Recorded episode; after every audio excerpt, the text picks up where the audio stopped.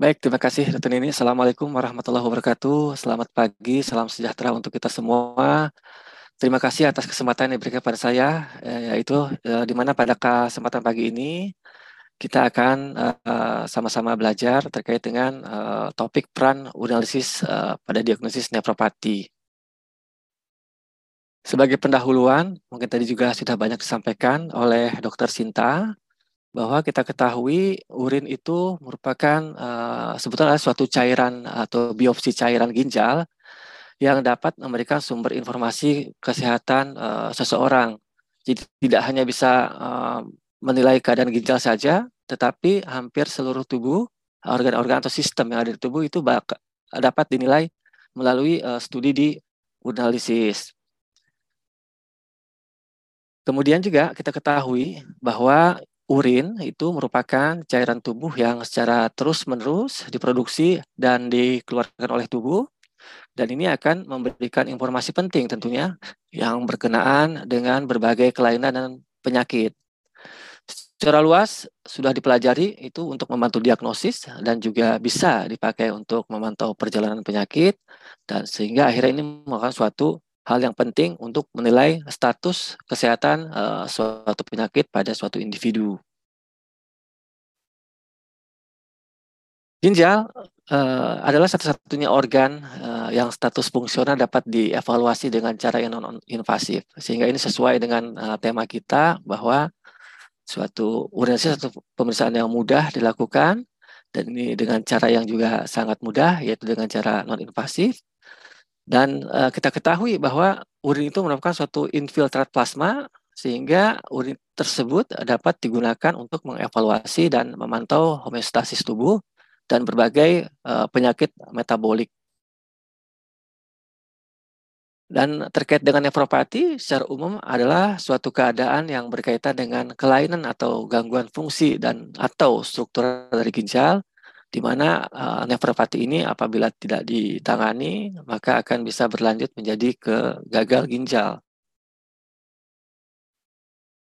Uh, kita masuk ke analisis. Mungkin tadi sudah banyak juga disampaikan oleh Dr. Sinta, tapi tidak salahnya kita akan mengulang kembali untuk menekankan bahwa bagaimana uh, pentingnya pemeriksaan urinalisis ini dan mencakup persiapan-persiapan yang harus kita uh, lakukan. Ini adalah suatu pemeriksaan yang dengan menggunakan bahan sampel dari urin yang digunakan untuk menilai suatu sistem keadaan sistem dalam tubuh uh, baik saluran kemih maupun kondisi sistemik lainnya.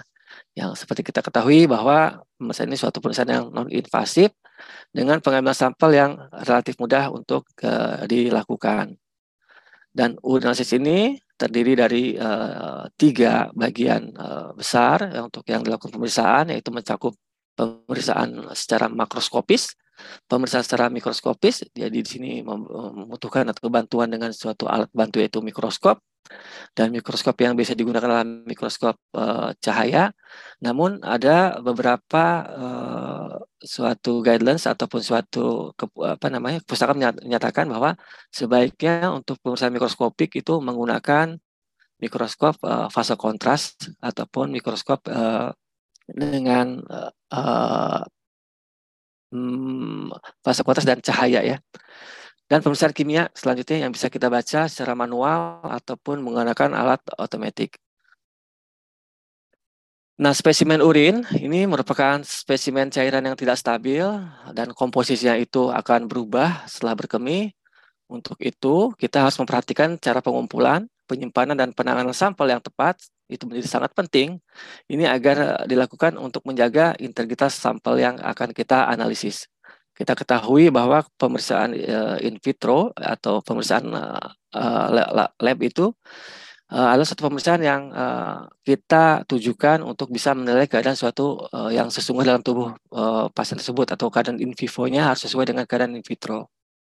Untuk hal tersebut menjadi suatu hal yang sangat penting sekali dalam uh, penanganan terutama dalam praanalitik ini. Uh, mungkin tadi sudah disampaikan juga oleh pembicara sebelumnya bahwa ada tiga jenis uh, cara pengambilan spesimen urin ini, di mana ada tiga pokok. Pertama adalah terkait dengan urin pagi tadi ya sudah disampaikan. Ini adalah suatu urin yang paling baik untuk diambil karena dia sudah terkumpul semalaman saat tidur mungkin 6 sampai 8 jam sudah terakumulasi di dalam vesikel urea dan sudah terkonsentrasi sehingga dengan mudah nanti kita akan menilai terutama untuk silinder dan sel. Juga mungkin untuk suatu kadar-kadar yang dalam jumlah sangat uh, sedikit atau yang uh, mungkin dalam dalam tes tersebut akan dalam keadaan trace mungkin dengan urin yang pagi ini akan meningkatkan sensitivitas untuk bisa uh, mendeteksi adanya suatu uh, peningkatan ataupun suatu keadaan yang abnormal dalam urin. Nah, urin itu kita harapkan adalah urin yang segar dan pH-nya biasanya di bawah tujuh setengah dan uh, ini diupayakan juga apabila pada wanita itu tidak dalam keadaan haid. Apabila dalam keadaan haid mungkin akan ditunda dahulu Spesimen urin ini harus dalam waktu kurang dari dua jam harus diperiksa. Namun apabila tidak bisa atau tidak memungkinkan, maka harus disimpan dalam suhu 4 eh, derajat eh, Celcius dengan maksimal penyimpanan selama 8 jam. Setelah itu mungkin kita tidak bisa melakukan evaluasi kembali, dan kita harapkan untuk eh, mengambil sampel baru. Seperti yang tadi disampaikan juga oleh Dr. Sinta ketika ada penundaan atau apa spesimen uh, urin tersebut tidak langsung dilakukan dan disimpan hanya dalam suhu ruang, tentu tadinya tentu ini akan mengalami dekomposisi. Oleh karena tadi utama itu akan ada bakteria. Di mana bakteri tersebut akan memecah urea sehingga akan terjadi produk yaitu satu amonia yang ini akan meningkatkan pH sehingga ketika pH alkali pada urin tersebut akan menyebabkan atau mempengaruhi suatu uh, silinder dan uh, atau case sehingga terjadi suatu dekomposisi yang akan menyebabkan terjadi suatu false negatif. Juga terkait dengan uh, glukosa yang akan banyak digunakan oleh bakteri sehingga apabila pada pasien tersebut sebetulnya ada suatu keadaan glukosuria oleh karena adanya penundaan dan adanya bakteri dan digunakan oleh bakteri sehingga menyebabkan ada suatu keadaan yang uh, negatif palsu. Teknik pengumpulan urin tadi sudah sangat jelas sekali disampaikan oleh Dr. Sinta. Saya juga akan menekankan kembali bahwa uh, bagaimana uh, pentingnya sekali untuk melakukan pengambilan secara tepat dan benar. Dan yang dianjurkan adalah urin pancar tengah atau midstream clean catch uh, urine. Ada juga pemeriksaan-pemeriksaan lain yang uh, bersifat invasif, yaitu kateter, aspirasi suprapubik, dan pada uh, bayi ataupun anak yang belum bisa mampu berkemih, biasanya akan dikumpulkan melalui suatu uh, pediatric collection bag.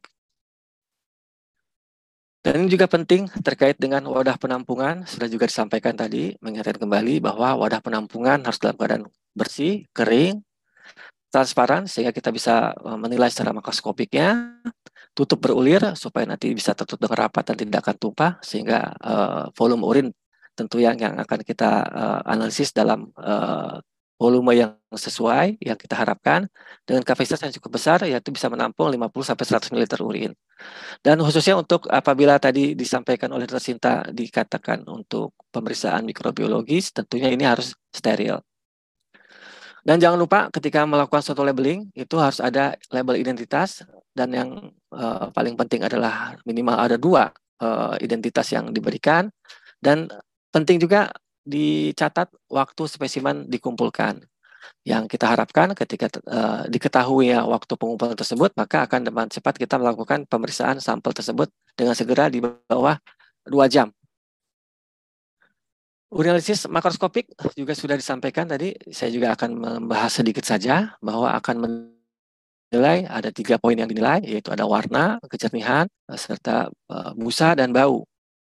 Warna mungkin sudah disampaikan bahwa pada keadaan normal urin itu adalah berwarna kuning dan bervariasi dari kuning yang pucat sampai yang kuning yang gelap dan warna ini biasanya dipengaruhi oleh utamanya oleh urokrom yaitu satu pigmen urin yang uh, paling banyak ditemukan dalam urin. Juga oleh ura, bisa oleh urobilin dan uroetrin.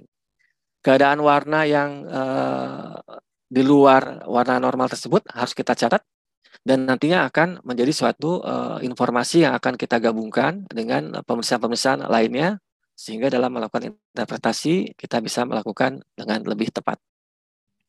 Kemudian terkait dengan kejernihan juga tentunya ini harus kita nilai secara makroskopik di mana ini akan menggambarkan partikel terlalu dalam urin di mana normalnya urin itu dalam keadaan jernih dan akan menjadi keruh oleh beberapa keadaan yaitu pertama bisa pada kalau pada urin basah itu biasanya ada suatu uh, endapan warna putih oleh karena fosfat ataupun adanya suatu karbonat yang amorf Dan biasanya ini akan hilang bila ditambahkan uh, suatu zat asam. Sedangkan pada urin yang asam itu biasanya akan terjadi suatu deposisi uroetrin pada urat amorf yang ini akan uh, dilihat ada suatu endapan warna pink dan ini akan hilang biasanya dengan pemanasan. Kekeruhan atau kejerihan juga eh, dipengaruhi kekeruhannya oleh ada leukosit, eritrosit ataupun ada sel epitel ataupun bakteri juga ini tentu juga bakal menyebabkan urin menjadi keruh dan ada suatu mukus atau yang lebih ekstrim adanya suatu lemak yang sangat banyak ataupun satu kilo dalam urin sehingga urin seperti putih seperti susu. Sedangkan busa juga perlu kita uh, lihat biasanya tapi ini tidak normal uh, dilaporkan secara rutin biasanya walaupun urin tadi bervariasi uh, warnanya mulai dari gradasi uh, kuning pucat sampai kuning uh, pekat biasanya normalnya busanya akan warna putih dan akan hilang dalam segera. Namun busa tersebut tidak akan hilang apabila dalam keadaan uh, proteinnya ditemukan banyak sampai sedang dan biasanya akan muncul busa putih yang stabil setelah urin dikocok artinya tidak akan menghilang. Ataupun juga apabila busa berwarna kuning atau kuning kehijauan itu biasanya berasal dari keadaan bilirubin yang dalam uh, jumlah cukup banyak di dalam urin dan ini juga bisa dijadikan sebagai suatu uh, catatan uh, untuk dalam melakukan suatu interpretasi dalam urinalisis untuk terkait dengan ada suatu kelainan uh, biasanya ini terkait dengan kelainan-kelainan ada uh, baik itu sistemik ataupun kelainan pada ginjal. Dan ini juga bau juga ternyata bisa uh, memberikan suatu informasi yang penting. Misalnya apabila bau tersebut uh, bau tersebut uh, bau manis atau bau seperti buah-buahan itu biasanya uh, terdapat penyekatan keton dalam urin atau apabila terjadi suatu infeksi atau bakteri urea itu biasanya baunya akan tajam karena banyak uh, amonia yang dihasilkan. Ataupun pada keadaan penyakit maple syrup urine disease juga itu akan bau uh, seperti sirup uh, maple. Dan pada keadaan fenilketonuria itu biasanya ada masti atau musi odor atau bau apek. Dan ini biasanya bisa membantu teman-teman uh, untuk bisa uh, mengidentifikasi kelainan. Selanjutnya itu adalah pemeriksaan secara mikroskopik, ya, di mana uh, kita memerlukan uh, bantuan mikroskop, bisa mikroskop cahaya ya, ataupun juga mikroskop yang paling baik adalah mikroskop, fase kontras. Namun mikroskop tersebut uh, cukup mahal karena uh, memang ada teknologi yang harus uh, bisa dipakai uh, di situ sehingga biasanya hampir uh, jarang kita memiliki. Tapi kalau sudah memiliki ya sangat baik. Karena itu sangat baik sekali untuk uh, mengidentifikasi ada suatu silinder.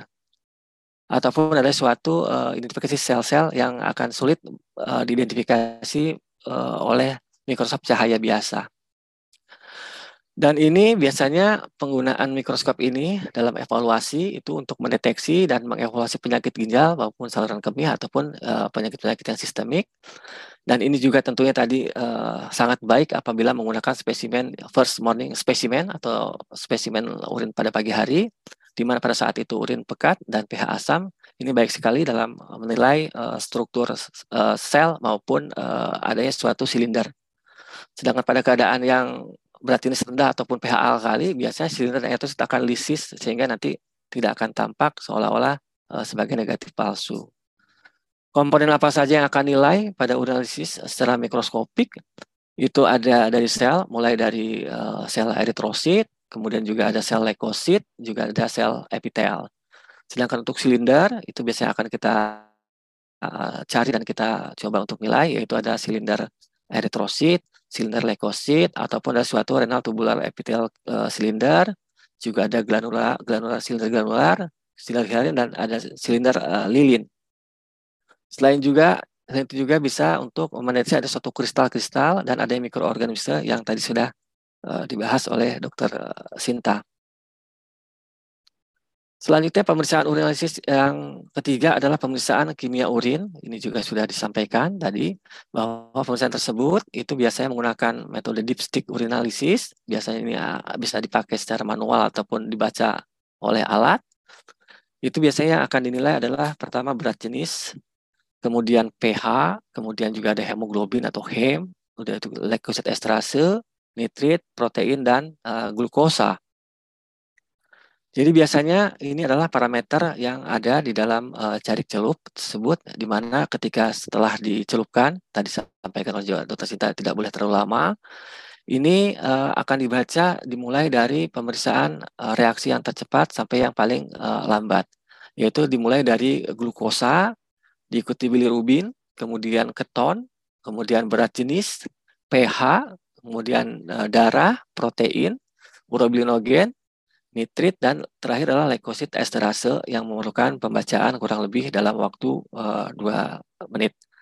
Ketika kita melakukan pembacaan tersebut bila tidak sesuai dengan waktu, di, dikhawatirkan akan terjadi suatu keadaan uh, negatif atau positif palsu juga ya.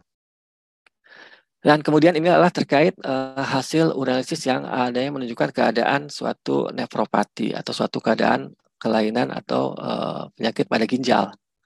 Dan untuk ke, kita ketahui bersama ketika melakukan interpretasi ini tentunya kita harus uh, melakukan secara komprehensif di mana secara urinalysis yang akan kita uh, lakukan interpretasi itu harus mencakup makroskopik, mikroskopik dan kimia serta keadaan klinis yang kita dapatkan biasa dari informasi yang diberikan oleh teman-teman klinisi. Dan biasanya interpretasi tersebut dapat menentukan atau menggambarkan kelainan pada ginjal. Pertama mungkin kita bahas mungkin yang paling sering dijumpai adalah mungkin uh, hematuria. Hematuria adalah suatu keadaan uh, terdapatnya darah di dalam urin. Ini dibagi dua, ada yang makroskopik atau dengan mata telanjang bisa terlihat. Kita sebut sebagai hematuria makroskopis atau juga sebut sebagai gross hematuria. Biasanya ini kita bisa lihat langsung, bisa urin berwarna merah terang dengan atau tampaknya ada suatu uh, clot. Kemudian biasanya juga ada yang disebut sebagai mikroskopik hematuria, di mana itu biasanya hanya bisa dilihat secara mikroskopik. Biasanya pada urin yang disentrifugasi, hematuria itu disebut hematuria apabila uh, didapatkan uh, eritrosit lebih dari 5 per lapang padang besar. Dan juga biasanya pada uh, dipstick dijumpai hasil yang uh, positif untuk uh, darahnya. Penyebab utamanya itu ada dibagi dua, yaitu ada yang uh, hematuria glomerular dan ada yang non glomerular. Biasanya eh, yang glomerular itu biasanya ditandai dengan adanya painless hematuria, adanya eritrosit uh, dysmorphic, disertai ada suatu proteinuria. Dan ada suatu sindroma klinis juga ketika ditemui suatu ada hematuria, hipertensi dan edem itu merupakan suatu trias klinis ada suatu keadaan glomerulonefritis Gross hematuria berulang ataupun yang mikroskopik yang secara menetap, dikatakan menetap ini biasanya ketika uh, diperiksakan uh, mikroskopik uh, uri apa uh, hematuria biasa dalam tiga waktu-waktu tiga minggu jadi diulang setiap minggu itu tetap ada uh, mikrositik uh, hematuria. Maka itu uh, patut dicurigai satu keadaan apakah ini suatu uh, IgA nefropati ataupun suatu nep, lupus nephritis ataupun ada suatu membrano proliferatif glomerular nephritis. Kemudian yang mungkin sering dijumpai juga adalah terkait dengan proteinuria, di mana kita ketahui protein yang ada dalam urin itu bisa merupakan protein yang berasal dari filtrasi dari plasma yang melewati suatu barrier dan ini disebut uh, biasanya adalah sebagai albumin. Kemudian juga ada juga protein-protein yang bukan dari uh, plasma yang terfiltrasi, tetapi berasal dari tubulus-tubulus atau disekresikan oleh uh, tubulus. Biasanya yang paling banyak dan paling uh, sering dijumpai adalah uh, uromodulin atau tam protein. Juga dalam protein dalam urin tersebut ada protein-protein yang bisa berasal dari immunoglobulin ataupun low molecular weight protein ataupun light chain. Uh, protein Proteinuria ini bisa kita bedakan dalam beberapa tipe. Ada pertama adalah tipe yang prerenal atau proteinuria yang overflow atau overload. Ini biasanya tidak menunjukkan uh, mengindikasi penyakit ginjal. Biasanya bersifat transien dan disebabkan oleh karena peningkatan kadar protein plasma uh, yang berat molekul rendah. Sehingga terjadi peningkatan filtrasi yang akan melebihi kapasitas reabsorpsi di dalam tubulus dan ini akan uh, kita sebut kita kenal sebagai overflow protein urin. Biasanya ini tidak akan kita temukan uh, dalam proses, uh, dalam pemeriksaan urinalysis uh, yang rutin karena di sini biasanya uh, protein yang keluar itulah protein biasanya akut phase reaktan ataupun Ben Jones protein. Nah, kemudian yang kedua adalah tipe proteinuria yang uh, renal proteinuria atau glomerular proteinuria atau albuminuria. Nah, ini biasanya berhubungan dengan penyakit ginjal. Hal tersebut biasanya disebabkan oleh adanya kerusakan membrana glomerulus sehingga proses filtrasi yang selektif terganggu dan akan uh, dijumpai dalam urin tersebut, urinalysis tersebut ada suatu peningkatan protein serum dalam hal albumin, disertai ada suatu uh, uh, RBC ataupun suatu eritrosit yang biasanya dysmorphic dan ada WBC yang bisa melewati membran dan ini akan diaksikan dalam urin. Penyakit-penyakit yang uh, menyebabkan kerusakan glomerulus banyak yang sering dijumpai adalah terkait dengan diabetes yang kita kenal sebagai namanya nefropati diabetik. Bisa juga pada sistemik lupus eritematosis, ada nefropati IgA, dan beberapa variasi glomerulonefritis. Dan apabila ini uh, didapatkan proteinuria, biasanya akan dilanjutkan dengan uh, penilaian dengan menilai protein secara kuantitatif.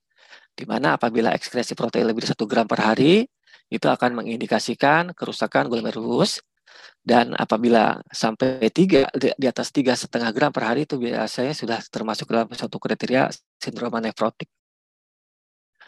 Kemudian juga ada tipe yang ketiga yaitu tipe renal proteinuria atau sebut sebagai tubular proteinuria.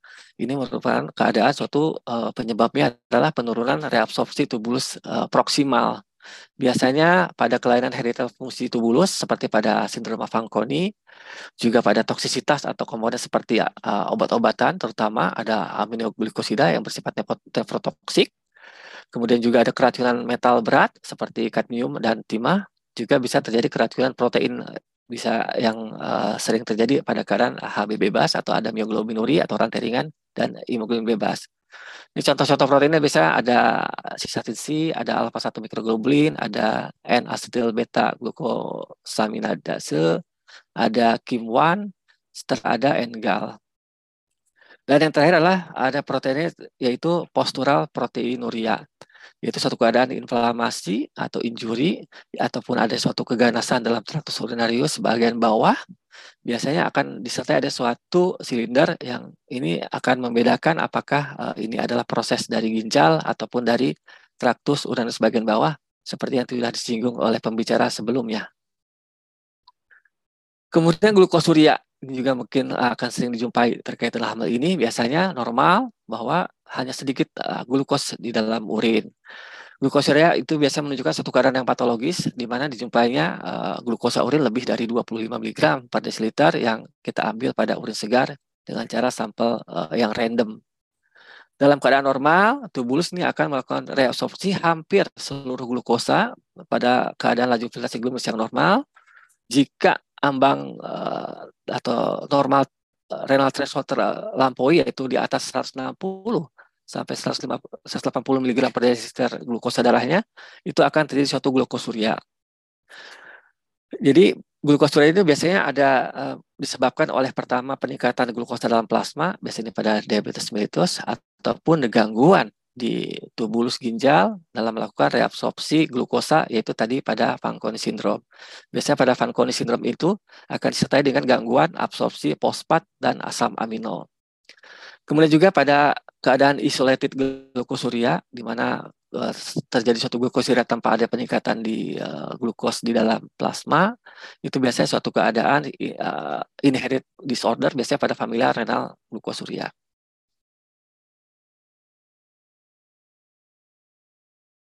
Ini adalah contoh tadi sedimen urin bahwa pemeriksaan sedimen urin itu terutama uh, apabila kita gabungkan dengan pemeriksaan urinalisis dipstick itu dapat memberikan informasi yang penting terhadap kompartemen ginjal yang terlibat. Apakah itu glomerulus, apakah itu tubular ataupun interstitial. Dan uh, sa saat ini mulai berkembang dan dikembangkan terkait dengan uh, digunakannya suatu uh, sedimen urin sebagai sebagai biomarker penyakit ginjal yang juga ini sebagai uh, diagnostik untuk kerusakan nefron saat ini sudah mulai berkembang terkait dengan dikembangkannya alat uh, uralis otomatik, di mana uh, di situ juga dikembangkan terkait dengan bagaimana cara membaca sedimen urin, yaitu gabungan dengan uh, flow cytometry dan imaging. Jadi nanti di situ kita akan bisa meningkatkan sensitivitas untuk bisa menangkap adanya suatu sedimen-sedimen uh, urin yang bisa kita jadikan sebagai uh, biomarker untuk diagnostik kerusakan pada nefron. Biasanya ada ke, uh, keadaan silinder granular kasar disertai dengan suatu renal tubular epitelial dan adanya silinder dari uh, renal tubular, tubular epitelial ini. Ini merupakan marker sensitif ada suatu keadaan akut uh, tubular nekrosis. Mungkin kalau gambarannya uh, menggunakan mikroskop yang fase kontras akan sangat baik. Di sini ada gambaran yaitu uh, renal tubular epitelial yang akan uh, dilihat juga di sini ada suatu RTE yang lepas yang arti dalam hal ini RTE bebas dalam urin sehingga kita memastikan bahwa ini adalah suatu keadaan uh, renal tubular epitelial yang uh, terperangkap di dalam uh, silinder Yali tadi. Dan ini terus terang, apabila kita menggunakan mikroskop cahaya, itu akan cukup sulit dalam membedakan apakah ini suatu uh, silinder leukosit, apakah ini silinder uh, epitel. Diharapkan nanti dengan menggunakan mikroskop uh, fase kontras ini akan bisa uh, dibedakan. Ketika dijumpai sesuatu ada silinder eritrosit dalam urin, ini merupakan suatu marker ada suatu uh, perdarahan yang berasal dari kelainan di glomerulus. Apalagi dijumpai juga ada suatu eritrosit uh, dismorfik yang bebas pada urin dan ini sangat mendukung sekali ada suatu keadaan yang melibatkan glomerulus.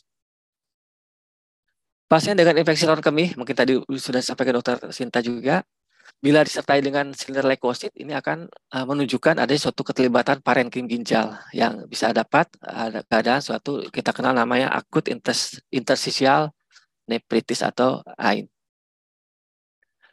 Kemudian akantosit ataupun suatu keadaan eritrosit uh, yang uh, di mana eritrosit tersebut biasanya uh, secara morfologinya lebih kecil, kemudian juga kadang-kadang ada protusio atau penonjolan dan juga berbentuk-bentuknya sudah tidak seperti eritrosit yang uh, umumnya disertai dengan ada suatu uh, silinder eritrosit, uh, biasanya itu uh, akan digabungkan dengan perusahaan dengan kimia yaitu adendap ketana albuminuria, maka kita bisa uh, menegakkan suatu keadaan adalah suatu cedera glomerulus di ke arah penyakit ginjal yang sudah terjadi suatu keadaan uh, cedera glomerulus. Kemudian adanya temuan sel epitel tubulus atau RTE disertai dengan silinder RTE, kemudian juga adanya cedera tubular iske ini menunjukkan ada suatu cedera, cedera tubular uh, iskemik ataupun nefrotoksik ataupun suatu keadaan yang gabungan. Kemudian ada suatu leukosituria disertai dengan tadi yang uh, hasil kultur negatif adanya RTE, kemudian juga ada silinder leukosit, kemudian juga adanya suatu silinder granuler, itu biasanya akan menunjukkan suatu keadaan penyakit tubulointes uh, in, tubulointestinal akut ataupun kronis dengan uh, keadaan klinis yang sesuai. Biasanya juga apakah ada juga terkait dengan penggunaan obat atau penyakit sistemik yang mendasarinya. Ada yang oval fat bodies, kemudian juga adanya kristal eh, kolesterol, juga didapatkan dari suatu silinder lemak. Ini biasanya akan berkaitan dengan sindrom nefrotik dan ada suatu lipidoria, lipidoria ini akan berkaitan dengan kelainan ada di glomerulus. Kemudian yang uh, selanjutnya yang terakhir mungkin terkait dengan kristal urea. Jadi uh, ini dapat uh, berupa suatu keadaan yang non patologis ataupun juga ya, yang dapat menyebabkan penyakit ginjal yaitu biasanya yang paling sering neprolitiasis uh, sampai bahkan ke aki. Atau juga yang berasal dari produksi endogen ataupun eksogen bisa terpapar daripada obat. Dan ini kita harapkan dalam pemeriksaan uh, kristal ini uh, urin harus sudah diperiksa dalam waktu kurang dari dua jam. Oleh karena apabila kita biarkan maka akan terjadi satu presipitasi biasanya pada asam urat. Jadi kristal asam urat itu biasa pada keadaan normal apabila dilakukan uh, tidak dilakukan segera pemeriksaan jadi suatu uh, insidental presipitasi. Kemudian alanya ada kalsium oksalat, ini mungkin paling sering ditemukan, gambarnya ala seperti ini. Ada gambaran seperti uh, amplop ini biasanya dengan pH pH urin biasanya dia bisa bisa berupa suatu monohidrat ataupun dihidrat kalsium oksalat. Pada non patologis itu biasanya pada pasien yang mungkin banyak mengkonsumsi makanan-makanan yang mengandung coklat atau almond atau juga pada pasien uh, banyak makan bayam. Sedangkan pada patologis biasanya ini berhubungan dengan hiperoksaluria yang akan menyebabkan suatu pembentukan dari kristal dan ini lama-lama akan menjadi uh, batu dan sehingga akan menyebabkan suatu keadaan nepropati dan uh, pada akhirnya akan menyebabkan neprolitiasis. Kemudian kristal urea selanjutnya yang mungkin sering dijumpai adalah tadi asam urat, bisa yang non patologis ataupun yang patologis. Pada keadaan yang non patologis itu biasanya tadi disampaikan terkait dengan adanya suatu penundaan-penundaan dari eh, sampel urin yang harus diperiksa. Sedangkan pada patologis biasanya pada pasien dengan uh, nefrolitiasis oleh karena asam urat ya. Ataupun ada keadaan suatu rhabdomyolisis ataupun kelainan uh, limfoferatif dengan komplikasi tumor lisis sindrom. Dan ada silinder urat itu biasanya nanti uh, akan menyebabkan suatu keadaan kristalin nefropati sehingga apabila tidak ditata laksana akan juga mengakibatkan suatu akut kidney injury.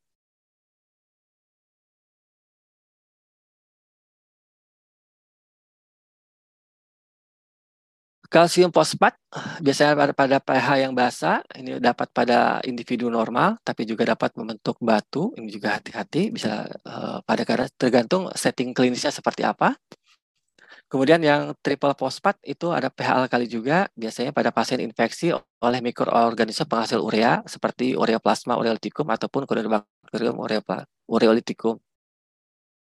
Dan ini mungkin yang terkait dengan uh, uh, kristal yang oleh karena endogen biasanya paling banyak atau paling sering adalah karena obat-obatan. Dan paling eh, sering dan cukup banyak dijumpai adalah terkait dengan adanya suatu uh, konsumsi uh, antibiotik ataupun obat-obat yang uh, dikenal sebagai sulfonamid. Dan ini biasanya akan menginduce suatu kristal kristalin nefropati. Dan biasanya juga akan dijumpai dengan suatu uh, eritrosit maupun leukosit keadaan deplesi volume cairan, kemudian adanya suatu urin yang uh, asam serta ada adanya suatu keadaan uh, kristal tersebut ini akan meningkatkan risiko terjadinya suatu kristalin nefropati yang biasanya ini juga akan uh, memperburuk suatu keadaan pada AKI maupun CKD. Dan ini adalah kristal dari obat juga itu dari metotrexat.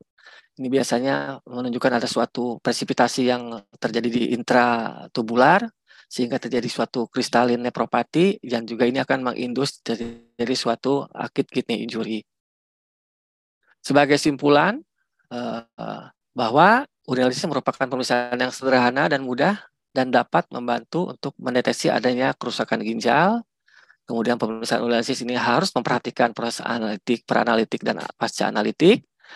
Dan ini untuk dapat menegakkan diagnosis nefropati dengan pemeriksaan urinalysis harus meliputi pemeriksaan makroskopik, mikroskopik, dan kimia, serta keterangan klinis yang sudah diberikan klinisi. Mungkin demikian yang bisa saya sampaikan. Saya ucapkan terima kasih. Saya kembali kepada tahun ini. Assalamualaikum warahmatullahi wabarakatuh.